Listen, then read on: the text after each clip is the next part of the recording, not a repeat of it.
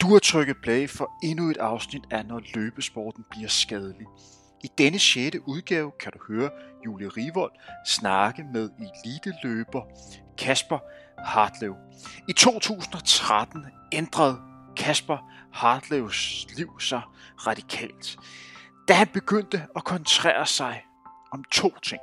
Træne mere og spise mindre.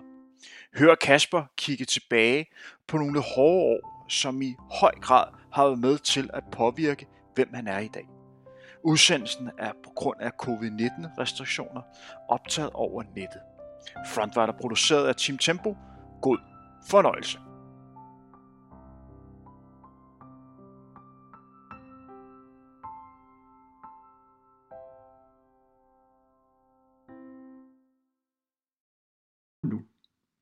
Velkommen til Frontrunner. Jeg hedder Julie Rivold, og jeg er vært på det her 6. afsnit af Når løbesporten bliver skadelig. Med som gæst har vi Kasper Hartlev. Velkommen til dig, Kasper. Mange tak, Julie.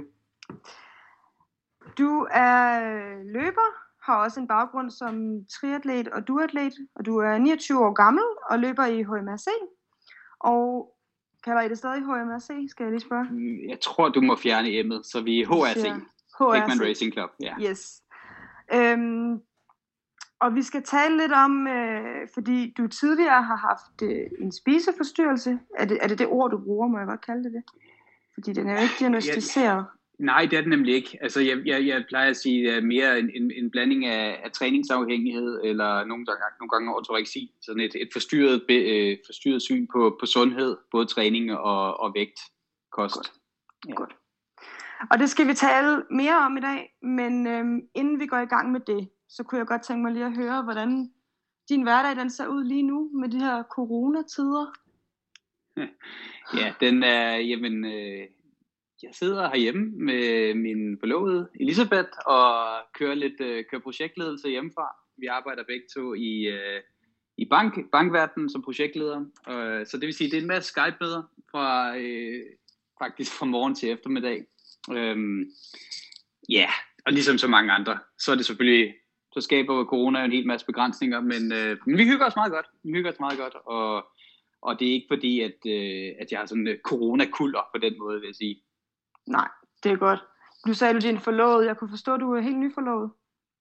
Det er rigtigt, det er rigtigt. Jamen, øh, vi jo her i, i januar, og det var, jeg var jo på kanal den øh, 31. 12. Så, så ja, det er helt nyt. Det er helt nyt. Og der er allerede sat øh, bryllupsdato i, øh, i november, så der skal vi gerne have, have corona lidt ned inden da. Ja, skal vi ikke satse på det? det synes jeg, det synes jeg. Og man kan sige, at det her med coronaen er jo også årsagen til, at vi to sidder og ikke over for hinanden, men, men som du siger, sidder hver for sig hjemme, hjemme hos hinanden, og det, eller hjemme hos hver for sig, ja, hver for sig selv. Øh, og det kan jo også være derfor, hvis man som lytter kan høre, at lyden er en lille smule anderledes, end den plejer at være, så er det fordi, vi kører det corona sikkert. Øhm, men nu nævnte jeg det her med, at du var noget løber, og du var noget triatlet, og noget duatlet. Øhm, kan du ikke prøve at, for, at fortælle lidt om, hvordan din baggrund egentlig er inden for, for sporten? Jo, jo. For du har, du har helt ret. Jeg er sådan lidt, øh, stikker sgu nok lidt i, i forskellige retninger. Øh, som, som sagt 29 år og, og stiller op for, for HRC, og tidligere også løbet i, i blåstrådløverne. men har har egentlig altid lavet langt det meste af min træning selv. Det tror jeg også, vi, vi kan komme lidt ind på, på senere. Øhm, og sportsligt, der har, har jeg baggrund inden for helt tilbage løb, øh, fodbold, men ellers øh, det, det, der er mere relevant, det er, det er løb, duatlon og, og triatlon. Særligt duatlon er nok der, hvor jeg har været skal sige, længst fremme. Duatlon er kun øh, er løb og cykling, så en, en triatlon uden, uden svømning. Og, øh, og nu spørger du ind til baggrund, så kan vi lige så godt tage den. Øh, jeg lavet en, en overgang fra fodbold til løb øh, i cirka 11, 2011, 12 stykker. Øhm, det var også en overgang fra, ja, hvad var jeg, 86 kilo fodboldspiller, tror jeg, øh, til, til der gradvist røg, røg nogle kilo af. Vi tænder, vi når dertil. Øhm, I 2013, så, så relativt kort tid efter, der, øh, efter jeg var, var de kørt fuld tid på, på løb, eller ikke fokuseret på, på fodbold, Øhm, der vandt jeg et par danske ungdoms U23-mesterskaber, og har også løbet i 13, 14, 57 på 5.000 meter, 31, hvad var det, 16, 17 stykker, tror jeg, på 10 km. Det var tiden før Waverfly, øh, eller Carbon, så det, det var, skal vi lige huske på. Huske på. Så det er uden, men, øh, uden, uden ekstra skohjælp? lige præcis, lige præcis. Dengang, der var for eksempel det at løbe under 15 på en, på en 5, og det var jo øh, det var lidt mere specielt, end det var i dag, vil jeg sige. Øh, det er stadig utrolig, utrolig flot. Der er ikke noget der. Men, men det var øh, også, jeg tænker også, du siger, det var en, det var en tid, hvor der måske ikke var et helt lige så højt niveau på langdistanceløb, ja, Danmark, det, der er i dag. Det, helt enig, helt enig. Det er jo, noget, det er jo sådan noget andet, at i dag, der, det fremler jo frem, og øh, altså, hvad var det store DM her, her tidligere i, eller i 2020, hvor at, øh, man skulle, hvad var det, skulle ned omkring 14.30, tror jeg det var, eller 14.25 mm. på en, på, ja. øh, på en 5.000 meter. Så det, det er imponerende i øjeblikket, det er jo også sjovt. Ja, for at, at, at komme ned til DM på 5.000 meter, ikke? Ja, lige præcis, ja. lige præcis. Um, det var i 13, hvor det jo egentlig kørte på skinner, og øh, 14, det kommer vi til, tror jeg, fordi det vil sige, der, der går det nedad. Øh, jeg har nogle skader i slutningen af 2013, og, og humper mig igennem. Øh, men, men, øh, man begynder at blive fokuseret på måske nogle andre ting, end det at, at lave, skal vi sige, optimere træningen, og lige pludselig bliver det meget vægtfixeret især. Øh, og også, også en form for, for træningsafhængighed. Men, men i stedet for at dykke for meget ned i den, så lad os, øh, så lad os tage den her lige om, om lidt. Øh, fordi i efteråret 14, Øh, som sagt, jeg har været lidt omkring i, i forhold til sporten, men jeg har også boet en masse forskellige steder. Øh, så i efteråret 14, der er jeg i Austin i Texas, og begynder at, at lave tri. Øh, jeg, den 26. oktober 14, der lavede jeg min første triathlon, i hvert fald min første langdistance triathlon nogensinde, og, og kvalificerede mig til VM halv Ironman som amatør eller age group blev nummer to derovre efter en gut fra Colombia, og, og VM i 15 lå i Østrig, og han, han synes der var lidt langt fra Colombia til, til Østrig, så, så pladsen røg, ned, røg videre til mig. Øh, og det betød jo så også, at lige pludselig så, øh, så valgte jeg at fokusere lidt mere på tri, fordi jeg jo havde det her VM øh, halv i, i sommeren 15. Og, øh, og det gik hverken, hverken værre eller bedre, end at jeg tabte, eller tabte, hvad hedder det, for det er jo ikke sådan, man siger det, men, men jeg kom i mål, eller jeg jeg havde et styrt på cyklen, eller en, en teknisk udfordring, der mm. gjorde, at øh, jeg røg en del ned i, i, i øh, klassementet, men jeg kunne også se, at jeg havde tabt 11 minutter på svømningen til ham, der blev verdensmester i min aldersgruppe, og det var nogenlunde det, jeg tabte i... Øh, øh, altså jeg kom ind i 11 minutter efter verdensmesteren, og jeg tabte 11 minutter på svømningen. Så, øh, så jeg fandt ud af, okay, så kan jeg sgu også være ligegyldig med det svømning. Jeg synes ikke, det var specielt sjovt, og jeg, var, jeg har nok aldrig været super talentfuld for det. Men jeg har altid elsket at løbe, og altid elsket at cykle. Så derfor så kørte jeg i mellem 16 og 19, altså fire sæsoner, der har jeg kørt øh, med pro-licens. Man tegner en, en triathlon pro-licens, elite, elite licens, og den gælder så også i duathlon. Og i den periode, som mellem 2016 og 2019, der har jeg øh, været med til fem gange EM, VM i duathlon med elite. Øh, også boet to gange i Tyskland, blandt andet, øh, og, og samtidig holdt, holdt løbeniveauet øh, på, skal vi sige, ved lige. Øh, det har altid været min styrke i forhold til cyklingen, så, øh, så jeg har også blandt andet løbet to gange 2.24 på, på maraton i den periode her. Og, øh, og for lige at springe lidt til, til mere nyere tider, så er jeg senest i mellem 19 og 20 været i Barcelona, taget en MBA der, øh, og det er, skal jeg sige, en MBA på fuld tid, det er ikke så forenligt med ret meget andet end at, at læse. Øh, Nej. Så, så det var også sådan noget med lige at holde vand, øh, hvad hedder det, røven i vandskorben med, med hensyn til træning, og, og, og jeg vil faktisk sige, i forhold til det her med træningsafhængighed, der var det måske der, det kom tættest på igen, fordi at der er man meget sig selv og bøgerne øh, og en masse tanker, når man læser en MBA. Øhm, men, øh, men ja, den blev færdig her i, i sommeren 2020, øh, kom retur. Jeg bor nu med, med min forlevede Elisabeth her på Østerbro, og holder stadig også arbejde i Danske Bank. Jeg holder stadig sporten ved lige. Øh, løb 2.24 på maraton i Flakkebjerg for et par måneder siden, og målet er også at komme, komme længere ned i, i 2021 her. Så øh, så man kan sige, jeg, jeg tror bare, jeg har, har en ændret prioriteter hen ad vejen fra, at øh, man sige, en top 3 har altid været, at familie, øh, kæreste skal komme ind først, men, men øh, og så har vi, vi arbejde og, og sport, som, som ligger lidt og kæmper der omkring op som, som nummer to og tre, og, øh, og der er sporten bare ned som nummer tre i øjeblikket. Ja. Sådan er det bare.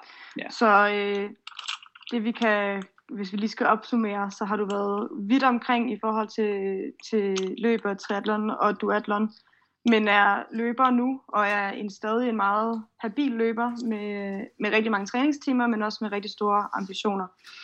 Øhm, jeg kunne godt tænke mig lige at vende lidt tilbage til det, som, som du sprang, sprang lidt henover, fordi du, du selvfølgelig gerne lige vil forklare din baggrund. Men du, du får beskrevet omkring tilbage i 2013, 2013-14, mm. at det her med vægten begynder at fylde rigtig meget. Yeah. Kan du ikke prøve at beskrive, øhm, hvad, hvordan, hvordan begyndte det at vise sig? Yes. Hvad, hvad skete der? Jamen, øh, for lige at ja, tage konteksten, så i 13, der skete det, at jeg løb i remitageløbet, som altid har betydet øh, rigtig meget for, for ikke, ikke både Henrik, øh, men også, også mig, simpelthen. Så, øh, så det for vil rigtig jeg mange mennesker, tror jeg. Ja, ja. I, ja, i den grad, i den grad. Øh, og det har været sådan et løb, hvor jeg var helt fra lille, var ude og se min, min far løbe, og, øh, og siden der løbet øh, ja, mange gange, mange gange. Så det, øh, det skulle jeg selvfølgelig løbe, øh, selvom jeg sikkert øh, var halvskadet i, i 13. Fik humpet mig igennem. Og så, øh, så for lige at, at sætte det sidste støm i kisten, så var der øh, et etabeløb på Lanzarote, Lanzarote International Running Challenge, øh, hvad var det, en måneds tid senere, som, øh, som jeg også kom igennem, men det betyder også, at kroppen var, var færdig bagefter. Så der snakker vi slut november 2013. Og, øh, og jeg, bliver, ja, jeg er skadet og havner ned i fitnesscenter. Samtidig så jeg, går jeg på CBS på det her tidspunkt, keder mig lidt i forelæsningerne, som nørder, begynder at nørde kalorier og, øh, og kost og så videre. Og, øh, og det vil sige, den her kombi af at have stor viden omkring kalorier, øh, i hvert fald kalorieindhold og øh, forskellige altså, fødevarer osv. videre. Ja, altså sådan noget med at vide præcis i hovedet, hvad der er af kalorier i forskellige fødevarer. Ja, lige præcis, lige præcis. Og vide om øh, den ene skyr, der har i 59 kalorier per 100 øh, per deciliter, eller den, der har 60, ikke? Altså kende forskellen ned ja. til, til kalorien.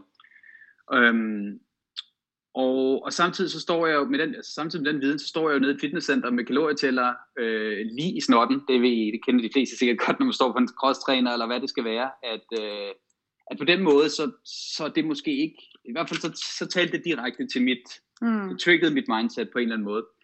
Øhm, jeg trænede, jeg var som sagt også skadet på det her tidspunkt. Det betyder, at jeg spiste mindre, end da jeg løb. Og, øhm, og kommer så tilbage, da jeg så kommer tilbage, så øh, går det egentlig relativt stærkt, øh, hurtigt med, at jeg kan, kan, kan optrappe min træning. Men samtidig så holder jeg jo igen med at spise. Jeg spiser stadig, som var jeg skadet, og trænede, trænede mindre. Og basically så, øh, så har jeg i mit hoved, at hvis jeg vil løbe hurtigt, det var i hvert fald sådan det startede, hvis jeg ville løbe hurtigt, så kunne jeg gøre to ting. Jeg kunne enten skrue ned på vægten, eller op på kilometerantallet. Mm. Og, det, var, det var sådan en opfattelse, du havde. Ja, det, det var ja. sådan en, en, en, en general, altså vi kender jo altid, al, vi kender den her med, at hvis du taber et kilo, øh, i hvert fald kilo fedt, jamen så, så bør det give 2-3 sekunder per, per, per kilometer, sådan roughly. Um, hmm. og, og der er også den her med, at en høj mængde, høj volumen, det er i hvert fald noget, der også, øh, også gør dig stærk, ved mange, mange mene inden for, for løb. Ja. Men det er måske ikke det smarteste, det var i hvert fald det, jeg fandt ud af, at skrue på begge to samtidig. Øh, jeg vi har begyndt at, at veje mig hver eneste dag, også flere gange om dagen, uh, og begyndte at ikke at kunne skrue ned på træning. Så det her med, hvis du har løbet 100 km den ene uge, så skal du løbe 101, så skal du løbe 102, og du kan aldrig gå et skridt tilbage, du kan aldrig slappe af.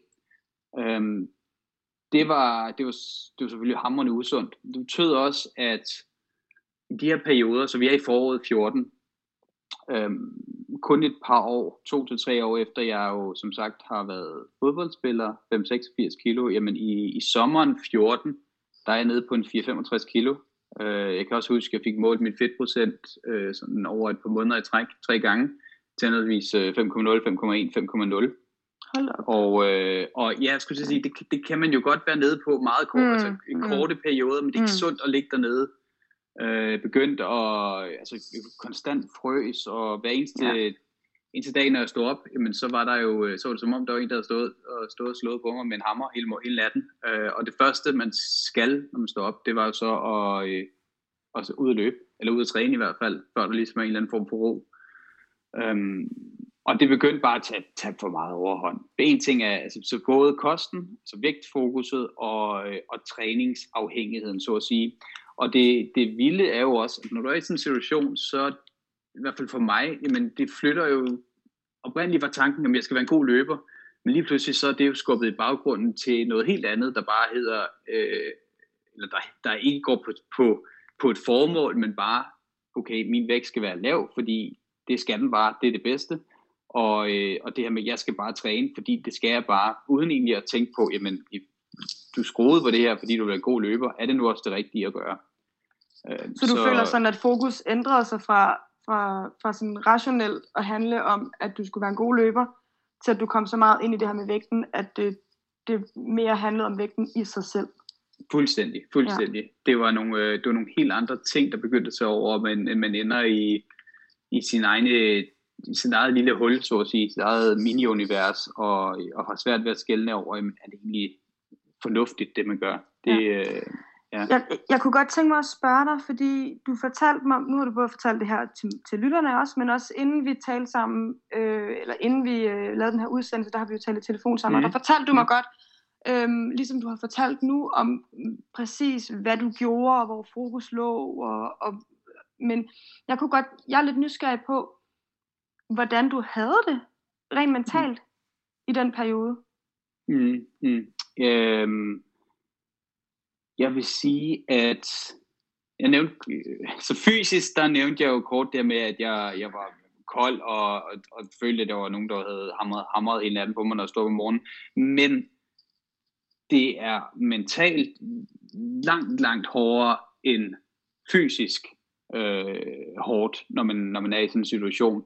Altså en, en ting, fordi det er jo ikke så, altså træningen, det kan, der er jo så mange, der træner endnu mere, end jeg, end, end jeg gjorde, og øh, det er jo ikke, fordi det var sådan en, en, en vanvittig ting, men når man samtidig, øh, skal man sige, tænker hele tiden ind i sin hverdag, at uha, kan jeg spise det, eller kan jeg ikke, og uha, nu skal jeg, nu får jeg snart stress, jeg skal ud og nå at løbe, ellers så, øh, så ved jeg ikke, hvad der sker, og så videre, og så videre.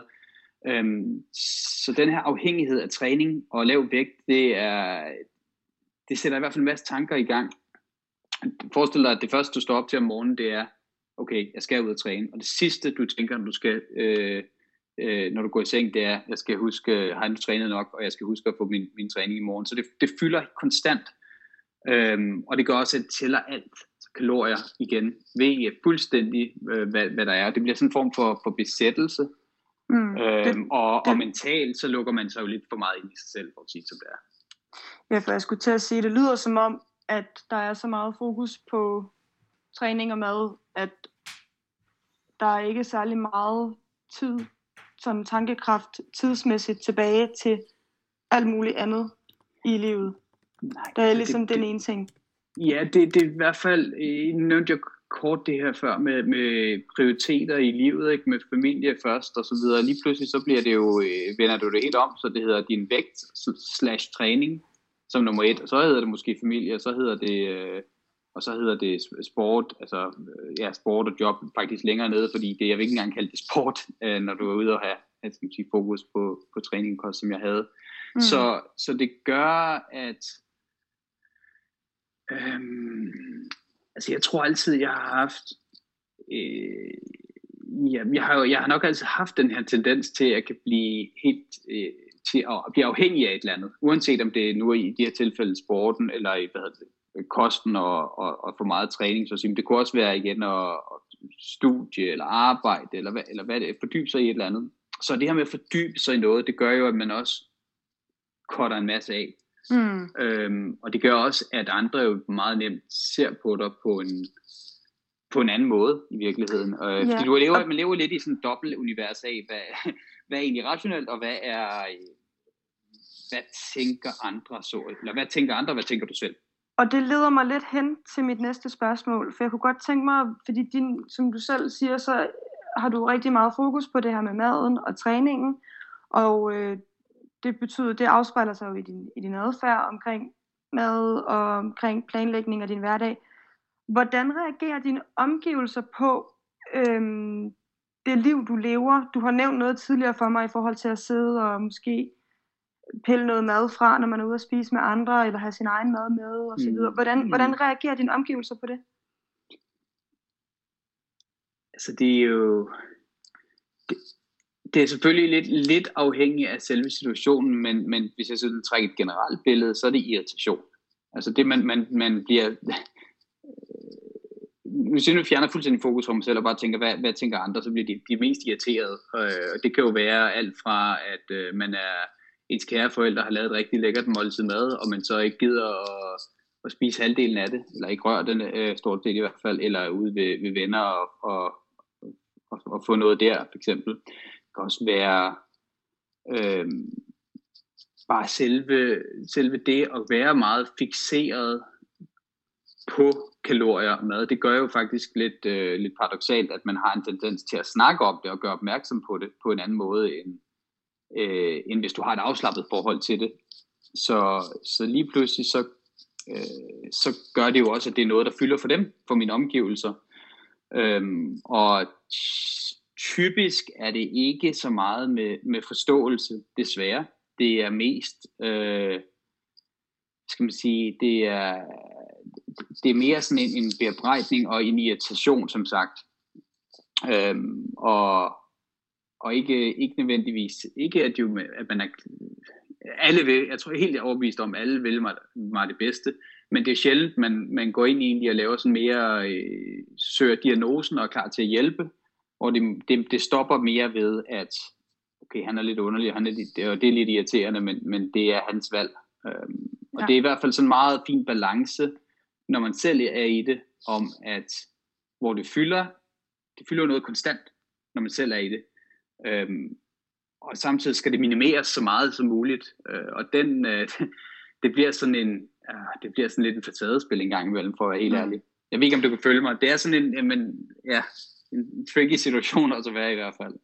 At du også føler, at det, det jeg hører lidt, at du siger, det er, at mm, i og med, at du har fået de reaktioner, du har, du har fået med irritation og sådan lidt bebrejdning, så har du på den ene side skulle leve med, at du kæmpede for at opretholde alle de her regler, du havde opsat for dig selv, og til kalorier og træning og planlægning, og samtidig så skulle du egentlig forsøge at vise din omverden, øhm, at du, du måske ikke gik så meget op i det, som, eller brugte så meget tid på det, fordi det irriterede dem, når du viste dem, at du brugte tid ja, på det. Ja, ja men man prøver jo at lave en, en kunstig facade, øh, og, og det, det er jo nemt at trække paralleller over til sociale medier. Det, det skal nok lade være med at, at, mm, at, at, at stikke hånden der, derinde i, men, men helt klart, det er jo, man prøver at stille et eller andet andet billede af, billede op, både over for, for, for andre, måske også i virkeligheden for sig selv, om at alt er fint, og øh, det kunne være noget så basic som, at man er ude og gå en tur og, øh, og snakke meget om, nu skal vi ned og have en is, og det er lækkert og så videre. Når du så kommer der ned, jamen så øh,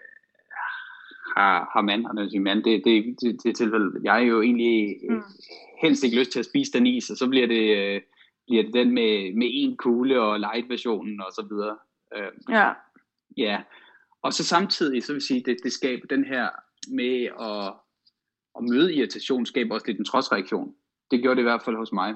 At det, ja, for det var egentlig det næste spørgsmål, ja. jeg gerne ville stille ja. dig om. Det var, hvordan, fordi du siger, du bliver mødt med den her irritation og bebrejdelse. Hvordan du modtager det? Hvordan er det for dig at, øh, at egentlig bare blive mødt af sådan en, som du sagde, han er lidt underlig tanke? Mm, mm. Øh, trodsreaktion er, er det sådan det første ord, der, der, der, der falder mig ind. Jeg er, øh, igen, jeg er nok ret, ret stålfast og, og stedig også, og, og tager rigtig gerne imod gode råd, men har også en idé om, at jeg øh, faktisk op det måske selv ved bedst, desværre. Øh, men, men, men lige i, i, i den her situation, der bliver det sådan lidt, at man lukker lidt sig selv. Jeg lukkede mig ind og tog egen kamp man siger, men okay, det er jo heller ikke, øh, det er jo heller ikke de folk omkring mig, der, der laver skal vi sige, elitesport, øhm, og det kræver bare et andet mindset. Det var sådan en tankegang i hvert fald. Og, og det betød, at man, så fortsætter jeg jo bare ud af min, min, egen, øh, min egen bane, så at sige, uden rigtig at lytte og få, få skyklapper på. Øh, jeg vil sige, det er det bedste, der skete så til gengæld, når vi nu er i sådan, med mine reaktioner, hvordan og hvornår jeg kunne, kunne åbne op, jamen det var jo netop, når, øh, når andre Øh, en sjældent gang imellem anerkendte det. Øh, hvor at, og, og, og netop ikke bare, hvor jeg ikke bare møder den der irritation, men, men netop går lige stikket dybere. Øh, jeg kan huske, øh, Christian Madsen, Full Performance, er jo også øh, uddannet øh, psykolog. Jeg havde et par gode snakke med ham, hvor man ikke, øh, i stedet for netop at gå ind i, og alle vidste, at jeg ikke spiste de ting der, eller at jeg øh, eller jeg havde et, et, et, et, et forkert forhold måske til træning. Øhm, men det var han ikke så interesseret i, men mere at gå ind til, til selve råden til det her. Øhm, og havde nogle gode snakke med ham blandt andet, før jeg skulle til, til Austin i, i Texas. Øh, Kersti Jacobsen fra, som var ude i, øh, ja, i Blåstrøløven især, havde en i Blåstrøløven ja, i, sin tid. Hun er og, træner for, i, ude i Blåstrøløberne og også træner ja, for Anne Emilie ja. Møller, bare lige så vi får hende introduceret ja. korrekt. Du ja, bare. Ja, ja. og, og tidligere rigtig dygtige løber også selv. Jamen, ja. hun, hun, hun var jo også meget mere, jeg kan huske, vi sad til, det var en eller anden øh, jeg vil sige, sådan års øh, gala i sikkert i Allerød Kommune for dem, der havde vundet nogle danske ungdomsmesterskaber. Og, og lige pludselig havde en god, ungdom, god snak med hende, og hun siger, men altså det du ved, hvor mange kalorier der er i, i alting, og det du har tænkt over det, altså, det, er jo en, det er jo en del, der ikke forsvinder. Det vil bare altid være der. Øhm, men det handler om også at finde balancen, og, og samtidig acceptere, at det er der. Og jeg husker, det gjorde et stort indtryk, det her med, at, at lige pludselig så sad der en, øh, som som snakkede egentlig på, på et sprog, jeg rigtig godt kunne forstå. Øh, det var ikke mange, der gjorde det, men lige pludselig at, at, at, at bringe den der anerkendelse, altså det gjorde det jo meget nemmere for mig at anerkende og reflektere over hele situationen. Øhm, så, så det var en af de få gange, hvor at, at jeg ikke kom med en trodsreaktion, men jeg lige pludselig begyndte at, begyndte at lytte og, og åbnede mig op, jeg vil sige det. Fordi ellers så bliver det meget hurtigt det her med, at der er ikke rigtig så meget hjælp at hente i, i omgivelserne, desværre, så det bliver hurtigt, at, at man tager sin skyklapper på og, og kører kampen alene. Jeg hører det næsten lidt som, at vi kan sige til lytterne derude, at det ligesom er et, et råd om, at når man er bekymret for nogen, så bliver man nødt til at spørge ind til det, og spørge åbent ind til det, og mm. anerkende, at det er et problem, uden at ligesom sidde og pege fingre og sige, hvorfor kan du ikke finde ud af det her? Helt klart, helt klart. Det her med at skal man sige, blame, øh, det, øh, sådan overføre skyld, det gør i hvert fald ikke noget godt. Det gør Nej. så ja. Jeg kunne godt tænke mig lige at holde, holde ved det her med folks reaktioner. Øhm, fordi du er jo lidt, man kan sige, den mand, vi på Frontrunner har gået og let efter. Forstået på den måde, at du er den første medvirkende i den her serie, til når løbesporten bliver skadelig, som øh, er mand. Og øh, jeg kunne godt tænke mig, jeg, jeg er sådan lidt nysgerrig på, hvordan man øh, måske bliver mødt anderledes af sine omgivelser, når man er en mand, fordi det her med at være træningsforstyrret eller spiseforstyrret, eller have spiseforstyrret adfærd, er noget, vi ofte forbinder med kvinder. Og det er tit mm-hmm. noget, der mhm. bliver talt om som værende for kvinder. Øhm, tror du, at du var blevet mødt anderledes af dine, reaktion, af dine omgivelser, hvis du har været en kvinde? Hvis jeg en kvinde? Det er, det, er et, det er et godt spørgsmål, og det er, jeg skal, igen, jeg skal passe på, for nu stikker man jo hånden ned i, i, et, i et væske, eller ved et vipsebog, men, men jeg prøver at gøre det også uden filter, og, ærligt, og helt ærligt, så vil jeg sige, øh, ja, det tror jeg. Øh, hvis, hvis, jeg tror, at du ser en, en meget øh, tynd mand, at sige det sådan, øh, så tror jeg ikke, spiseforstyrrelse kommer op som det første på samme måde, hvis, som hvis det er en meget, meget tynd kvinde. Øhm, jeg ikke om man skal kalde det et feminint emne, øhm, men, men i hvert fald er der lidt en, en tanke om, og igen det her, det er jo ikke fordi, jeg, jeg, jeg har videnskabelige øh, hvad hedder det, noter på det, men det er sådan bare min, min, mine tanker og refleksioner omkring det. Det, jeg tror, det, vil sige, det, er også din, det er også dine tanker og refleksioner, jeg, jeg, jeg er nysgerrig på, som jeg sagde til ja. dig tidligere. Hvis jeg, hvis jeg ville have en, der bare kendte den, den knivskarpe forskning, så havde jeg inviteret øh, en forsker ind. Så jeg, vil, jeg, jeg er nysgerrig på, på, på dine egne refleksioner. Jamen, det er super, det er super. Fordi at, at igen, som jeg sagde, en, en, en meget tynd mand, men øh, jeg tror mere at man vil, man vil faktisk vende den over i en mere positiv boldgade og tænke, okay, det er en, der er virkelig dedikeret i forhold til, til sporten, og der er, han har virkelig skåret ind til benet, og det, det er stærkt osv. Der er sådan en eller anden tankegang om, at, at når man er, er, er mand, så klarer man det selv.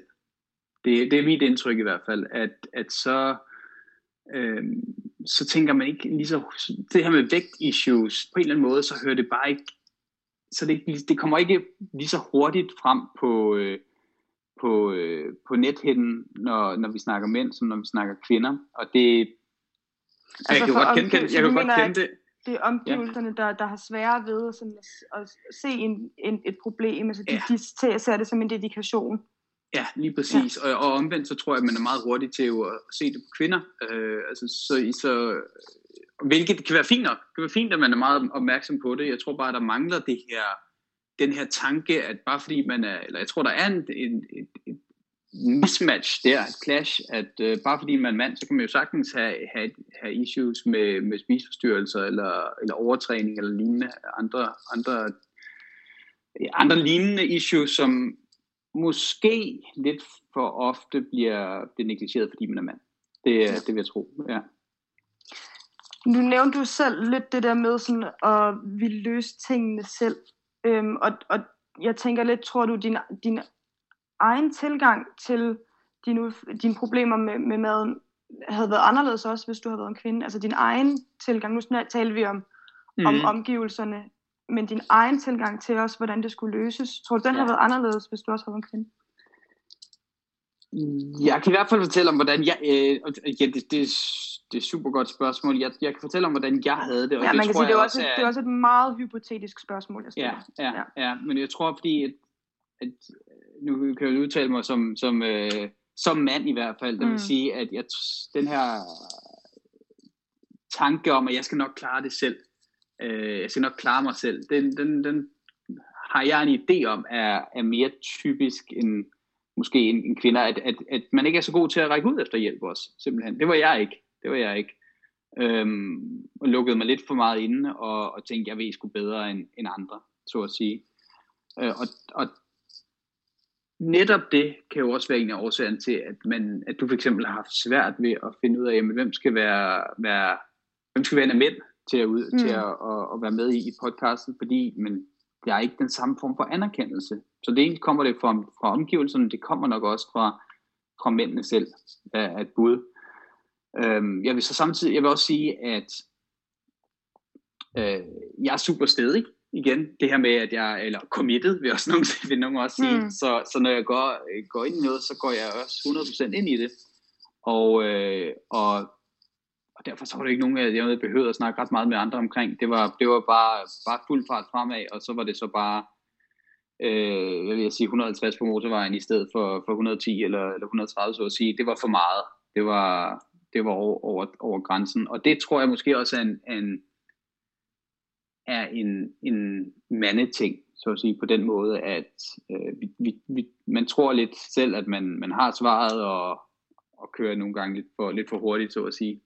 Øh, har lidt for meget fart på i det, der, i det, der sker det, det, igen, det, det er sådan mine, mine refleksioner omkring det, og selvfølgelig er der jo cases også hos kvinder, hvor at, sige, det kunne lige så godt have, hvor du ikke rigtig kan adskille det, det at mm. være, være mand eller kvinde. Men i hvert fald den her med, at man som mand er vant til at skulle klare sig selv, eller gerne vil klare sig selv, sådan vil jeg sige det. Ja. Men det får jo heldigvis et vendepunkt for dig, øhm, de her mad- og træningsafhængighed, fordi du kommer til Austin i Texas og det har du allerede lidt været inde på, men øhm, jeg har kunnet forstå på dig, at du jo lander i en, en helt anden kultur, end du har været vant til i Danmark. Kan du ikke prøve at beskrive, hvad det er, der sker i Austin? Og hvad det er, du oplever og møder jo, i Austin? Jo, jo. Øhm, så jeg kommer til Austin i sensommeren 14, og er der i samlet set i cirka 5 måneder. Og da jeg tager der til, så øh, er det nok på det tidspunkt, der var, skal man sige, værst. Altså, det var der, hvor jeg havde blandt andet lige havde haft en del samtaler med, med Christian Madsen her og, og andre. Der var forskellige, der har skrevet til mig omkring øh, med bekymrende spørgsmål. Øhm, og jeg var en tynd fuglung på det, på det tidspunkt, men alle steder, hvis du skal et sted hen, hvor, jeg starter med vægten, hvor du skal tage på, så er Texas Barbecue og, og så videre og så videre. Det er et godt sted at starte. Øh, ja. I Texas, der jeg ved man, hvordan... Jeg afbryder ja. dig lige helt kort, fordi nu kaldte vi det bare Austin lige før, men bare lige for at have lytterne helt med, så er vi altså i Austin, Texas i USA. Ja. ja. Ja, jeg var over og, og studere på UT, University of Texas, som, øhm, som udover ja, at ligge i, i Texas og selvfølgelig byde på, på hele den, den kultur, så er det også et af de største universitets, øh, skal vi kalde det brands, eller sports brands derovre, øh, som jeg kommer ind til lige om, lige om et, et sekund. Øh, men, men det, ja, et enormt sted. Texas er jo enormt på, på mange måder, og det, øh, og det fik jeg at se her i, i, i Austin.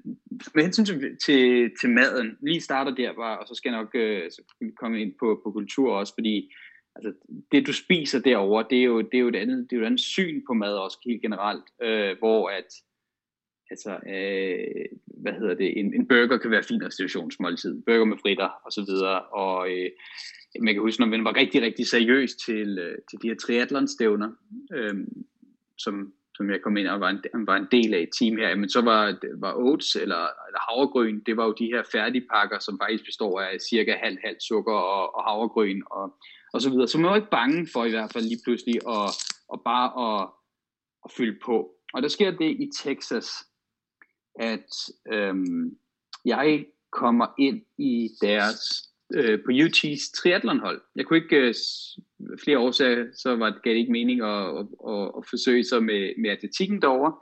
Men, øh, men triholdet stod, stod klar med åbne, øje, åbne arme. Og øh, jeg tror også, endda, jeg blev set som, som lidt eksotisk derovre. Sådan en, en, øh, en, en nordeuropæer kom til, til Austin, hvor det var øh, 40 grader der i, i august, da jeg, da jeg landede. Øhm, men de, var, de stod klar med åbne, og åbne arme, og, øh, og jeg kan faktisk huske min første møde med dem allerede. Det var jo til sådan en, en social gathering, hvor man skulle have sin, sin egen mad med. Mad med. Jeg kendte dem ikke på det her form, på det her på det tidspunkt. Jeg havde vist bare mødt, og det en assistenttræner, tror jeg. Og jeg lavede en, en, en eller anden form for salat og, og noget kylling i, som jeg husker det, og, og kommer derover. Og det, alle har jo enten nachos og cheese med, eller popcorn, eller der hvis du skulle have, og brød, det var banana bread, og pizza, det var øh, dessert pizza med, med Nutella, og, og, øh, eller peanut butter på, og bananer. Yes. Velkommen til USA. ja, ja, lige præcis, lige præcis. Men det, der var så befriende, det var så forestil jer de her rigtig dygtige atleter, som lige pludselig havde den her on-off øh, knap, hvor at man på den ene side kunne være super seriøs omkring sin sport, men på den anden side så også være i stand til bare at, skal vi sige, slappe af, nyde livet og være sammen. Så den her øh, kultur, hvor man, man støttede hinanden på en, det bliver jeg nødt til at sige, på en anden måde, end man gør i Danmark. Øh, amerikanere er jo generelt meget åbne, øh, jeg tror særligt, øh, når vi nu går til, til sydstat og, og altså Texas her, det var, øh, det var at, at blive taget ind i en, en form for familie, og det gør også, at ja, jeg var jeg var hamrende tynd, og jeg stadig øh, var selvfølgelig øh, restriktiv i forhold til, til kost og, og, og passet, trænet meget og så videre. Men det fyldte slet ikke så meget. Og du spurgte jo tidligere i, i, øh, i vores snak her, Julie, om, om sådan det mentale. Og i og med at det mentale sådan set er hårdere end det fysiske, er min, er min tanke omkring det her, øh, hele den situation, jeg var i. Så lige pludselig at få taget rigtig meget af den ballast af, øh, ved at komme over i en kultur, der er så omfavnende og, øh, og ja, det er så social og, og, øh, og nede på jorden, det var, det var i hvert fald rigtig sundt. Det var, det var rigtig sundt. Så øh, ja, jeg, ja, ja, jeg lærte i hvert fald meget omkring det her med at være, være seriøs, øh, men, men samtidig så formå at have et, et afslappet forhold til, til kost og træning, og så jo, at det godt kunne, øh, det godt kunne balancere balanceres fint. Altså der var, jeg var også, øh, hvad hedder det, der var også professionelle atleter, som vi, som vi trænede med, som, som havde det på samme måde, som, som levede på samme måde, så at sige. Så det var ikke fordi, at det her var et eller andet øh, useriøst cirkus, og at de pludselig kom til fællesmiddagen, hvor der var nachos og cheese, og cheese i store baner. Det var bare sådan, det var. Øhm, ja. ja, jeg får næsten lidt lyst til at sige, fordi du siger, du kalder det en, en afslappethed, det der med, at de spiser noget helt, helt andet mad, og noget mere kalorieholdig mad. Øhm, og du får sådan en idé om, at okay, men det, det kan man også godt som atlet, og stadig være en god atlet. Øhm, jeg kunne godt tænke mig, sådan, jeg sidder og tænker på den jeg har lavet en udsendelse tilbage i maj måned med, øhm, med en sportsdiætist, der hedder Inger Bols, som fortalte om, hvordan den her kalorieholdige mad faktisk er, er nødvendig for, at man kan producere så meget energi, som man gør, når man træner så mm. meget. Og kunne næsten godt tænke mig sådan at vente lidt om at sige, måske, øhm, nu skal jeg selvfølgelig også passe på, at jeg ikke lægger ord i munden på dig, men næsten at vente om at sige, at det er måske næsten det, der skal til for os, man kan være en nogenlunde skadesfri atlet, at man får nok energi, i hvert fald hvis man sammenligner det med, hvor det, det, det du kom med, ikke? Ja, det tror jeg, det, øh, altså ingen tvivl, jeg var da meget mere sårbar, da jeg øh, var, var helt, helt tyndst rundt, og på øvrigt også gik og frøs hele tiden, og var, øh, der var større risiko for også at blive syg. Øh, altså, der var mange ting, der lige, lige pludselig, øh, der gjorde lidt mere ondt på kroppen i hvert fald, når man er i sådan en situation. Øhm, og, og så kan man jo sige, det her med vægt, jamen det er jo også noget, man, øh, man behøver ikke ligge i fuldstændig underskud hele, hele, hele året rundt. Det kan jo godt være, at det netop er noget, hvor man skal sige, okay, nu har jeg lige en A-konkurrence, så gør jeg lige noget ved mig selv, i, lige lidt ekstra ved, ved, ved vægten i, i, i tiden, i måneden op til, eller to måneder op til, men, men det der med at have et konstant fokus på det, det er jo, det er jo nok også der, hvor det, hvor det kommer over i virkeligheden. Mm. Ja. Så tingene vender i en, en positiv retning, mens du er i Texas. Øhm, hvordan er det så, når du kommer hjem igen?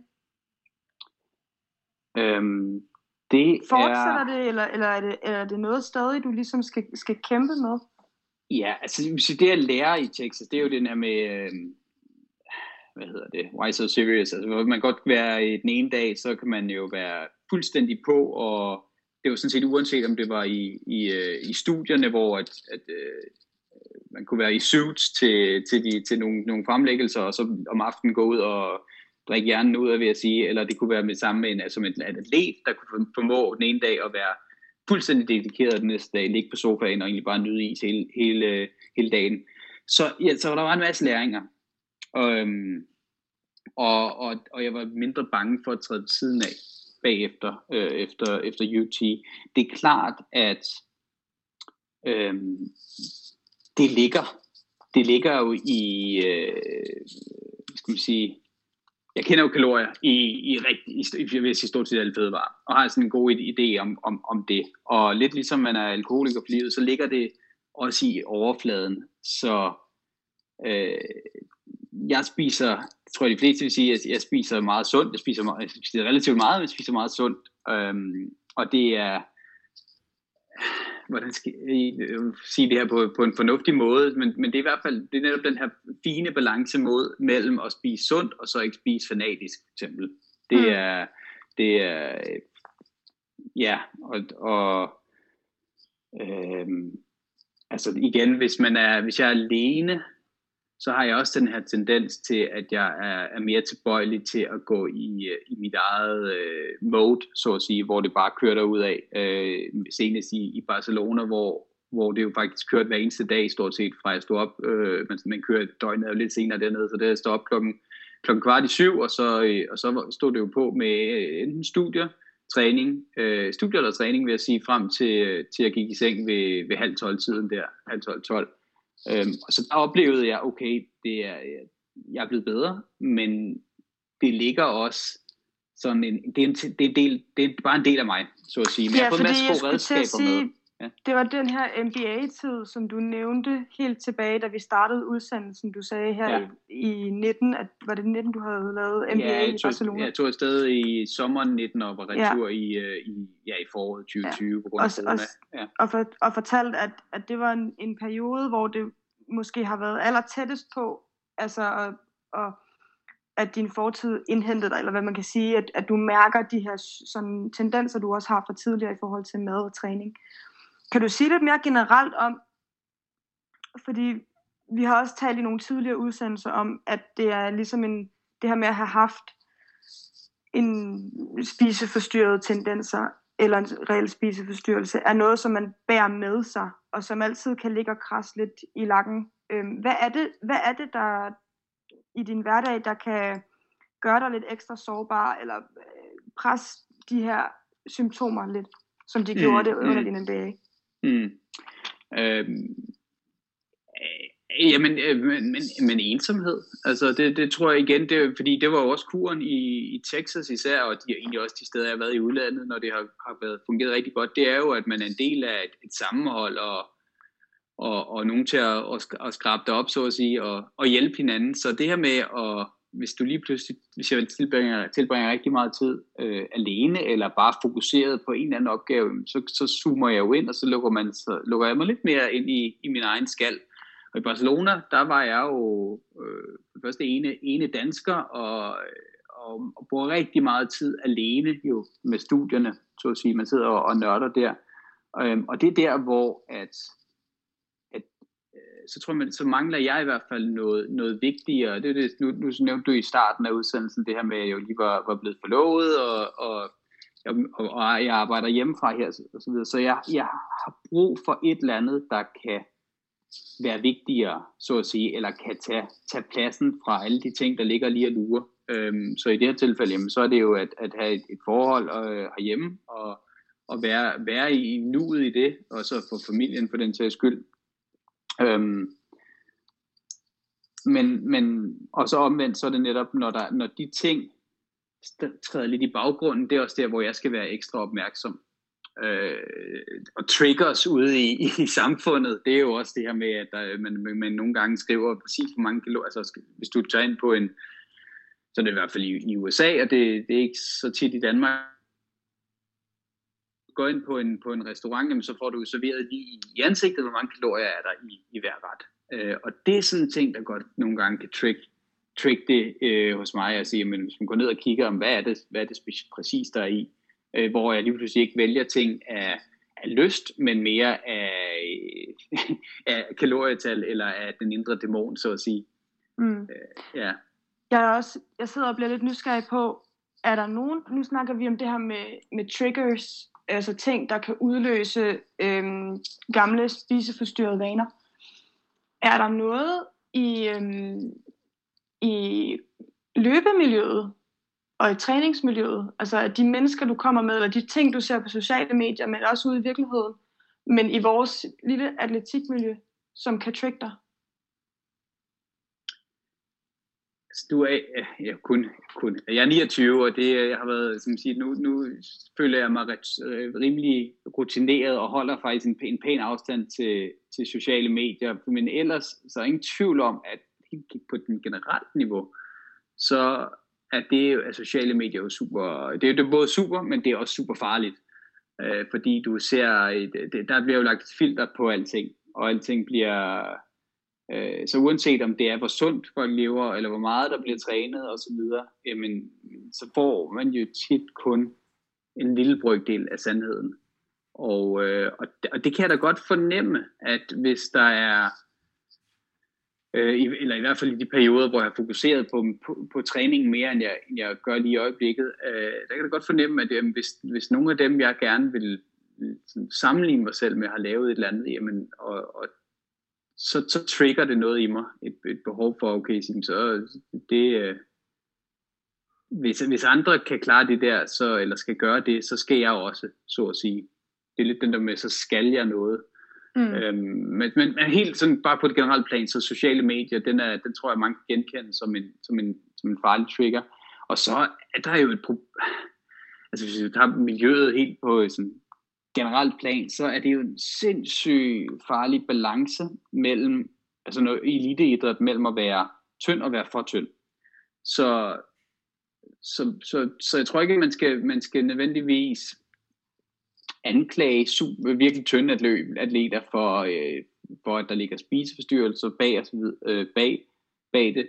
Men, men det er en fin det er en fin diskussion og refleksion at have, og, og, og fint, hvis man i miljøet helt generelt kan være mere åben omkring de her, de her samtaler, de her snakke, og ikke nødvendigvis lave øh, lave blaming, altså sådan bare øh, skyldfølelse på dem, der, der ikke kan styre det selv, eller lade folk klare det, klare det selv. Så der tror jeg, at øh, det er jo selvfølgelig ikke en trigger specifikt, men, men, men noget, der kunne lave en, en god ting. Altså det, det modsatte, så at sige. Det vil være ja, det netop, er... hvis vi åbner op og, i, i, i, og får, nogle, får konstruktive samtaler omkring det, og ikke nødvendigvis bare kigger direkte på, på overfladen og på, øh, når ja, men det her, det er vægten, og det her, det er, øh, det er så lidt vedkommende spiser, eller hvad det nu skulle være, men mere siger, men hvad der ligger dybere, hvad er skridtet dybere, og hvordan kan vi måske se det lidt mere som et, øh, vi trække det ud på hele sports Danmark i virkeligheden. Det var jo, det var ikke kun inden for atletikken. Men, øh, men sådan en mere en sund diskussion vil være, tror jeg vil være rigtig sund i hvert fald.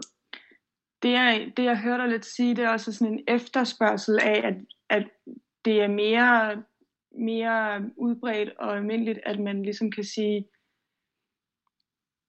jeg har de her tanker, og jeg har det sådan her. Øhm, uden at, uden at, at man skal blive dømt på det, på det, men at folk er bedre til så at spørge ind til det og anerkende, det var det ord, vi også brugte før, ikke? altså anerkende, at det ligger så i vores sport, og der er rigtig, rigtig mange, der får de her tanker, og det i sig selv at have dem, behøver ikke at være noget, som man skal smides ud af en klub for, eller pege fingre af, men i stedet skal måske spørges ind til. Ja, altså, jeg bliver nødt til at sige, du, du er meget imponerende, Julie. Jeg synes, jeg, jeg flabler rundt og, og brøvler, men du har faktisk, du trækker meget godt, godt uh, min pointe ud. Helt enig, helt enig. Jamen, det er jeg glad for at høre. Ja, men lige præcis. Nej, men altså, det, øh, ja, altså, det vil da være, det vil da være det bedste for alle, hvis vi, hvis vi går væk fra at kalde det her, øh, at se det i et meget negativt aspekt, men, men i stedet for bruger det, ser det konstruktivt og, og, og prøver at arbejde med det. Øhm, og, omf- og, og igen anerkender, anerkender og, og skaber nogle refleksioner. Og det behøver jo ikke, det skal jo i virkeligheden være på et langt tidligere stadie, end når vi når øh, derude, hvor atleten har en fedtprocent på 5, eller er, allerede er godt og vel inde i sin egen tunnel. Men, men prøv at samle noget mere op, og det vil være, det tror jeg vil være hammerende sundt, vi vil komme, øh, komme dertil.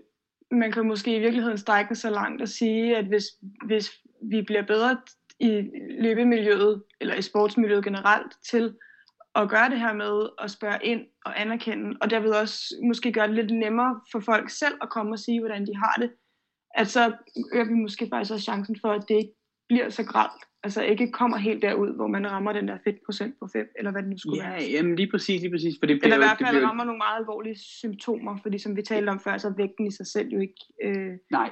Øh, ja, det, man ja, kan sætte på. Jamen helt præcis, det er jo, det er jo et tabu, øhm, og, og ja, det, det er meget mere det mentale. En ting, altså, der er jo andre, der har været mindst lige så tynde, som, som jeg også har været, er ved at sige, men det er, det er meget mere det mentale, der skal fokuseres ja. på. Meget mere, end hvordan og hvorledes, hvad der lige præcis står på vægten. Ja. ja. Jeg har faktisk ikke, øh, ikke flere spørgsmål. Jeg synes, vi har kommet rigtig, rigtig fint omkring det og kommet med nogle, jeg synes, du kom med nogle ret gode øh, refleksioner til lytterne derude i forhold til det miljø, vi måske gerne vil skabe. Øhm, og mit sidste spørgsmål, det var, hvordan du har det i dag. Og du har jo næsten svaret på det, men jeg ved ikke, om du lige vil komme med sådan en, en, en afslutning på det spørgsmål. Jo, tak. Men det, og det er fint lige at, at få med, at, at øhm, nu har jeg lyttet til, til nogle af de, de andre udsendelser i, omkring samme emne her, og, og jeg kommer jo til at fremstå nok som, at jeg i hvert fald har en, har en fin afstand til det, og det føler mm. jeg selv, jeg har, og, øhm, og så, ja, det ligger hele tiden i, under, i overfladen, men, men jeg, er, jeg er jo langt videre, og, øh, og nyder, det, det, det går godt i øjeblikket, jeg ved godt, det er, det er coronatid, men igen, øh, jeg har det godt, i, godt, godt på hjemmefronten i privaten, Øhm, og, øh, og det er jo i virkeligheden også komme tilbage til, sådan, det er jo en rigtig god, god hjørnesten at have øh, i forhold til at, at tingene går den rigtige retning. Det er i hvert fald, at ens, øh, ens, ens hjemmebase er, er på plads. Så, øh, så ja, i dag, der, der kan man sige, sporten fylder mindre end den har gjort tidligere, men, øh, men, men paradoxalt, så er det jo faktisk gjort, så kan jeg jo alligevel løbe stort set så hurtigt som tidligere, selvom jeg vejer lidt mere og træner lidt mindre, eller træner meget mindre, jeg vil jeg sige. Men, øh, men nogle gange, så tror jeg også bare, det, det viser lidt om, at det mental sund balance, det, det, det kan også gøre rigtig, rigtig meget. Ja. Vi får, ja. Er det måske i virkeligheden meget sigende? jeg synes næsten, man kan fornemme, nu, når du fortæller det, altså man kan næsten fornemme midt i sådan en coronatid, at du bare, øh, det kører på hjemmefronten, og du er glad. Man kan næsten fornemme den der gode stemning, på trods af, at, øh, at vi er i kæmpe lockdown. Jeg synes, det er en, øh, et rigtig, rigtig godt sted at slutte af. Så medmindre du ikke har mere at tilføje, så vil jeg gerne sige dig rigtig mange gange tak, fordi du vil deltage og fortælle din historie. Jamen, det er da mig, der takker, og det var, det var så let. Det var så let. Jeg er, kun glad, jeg er glad for, hvis det kan, kan skabe værdi. Og, øhm, og, og for egen øh, regning, så for det første, fedt, at øh, I bringer det her op. Det er utrolig stort. Og så også til dem, der lytter. Altså altid tage kontakt. Jeg er også bare åben for, at, øh, at folk rækker ud, hvis de har spørgsmål eller kommentarer eller, eller andet. Det er øh, til tjeneste. Jamen, jeg har lyst til at sige halleluja. Det er en perfekt afslutning, vi har her. Øh, det er helt godt humør. Tusind tak for det, Kasper.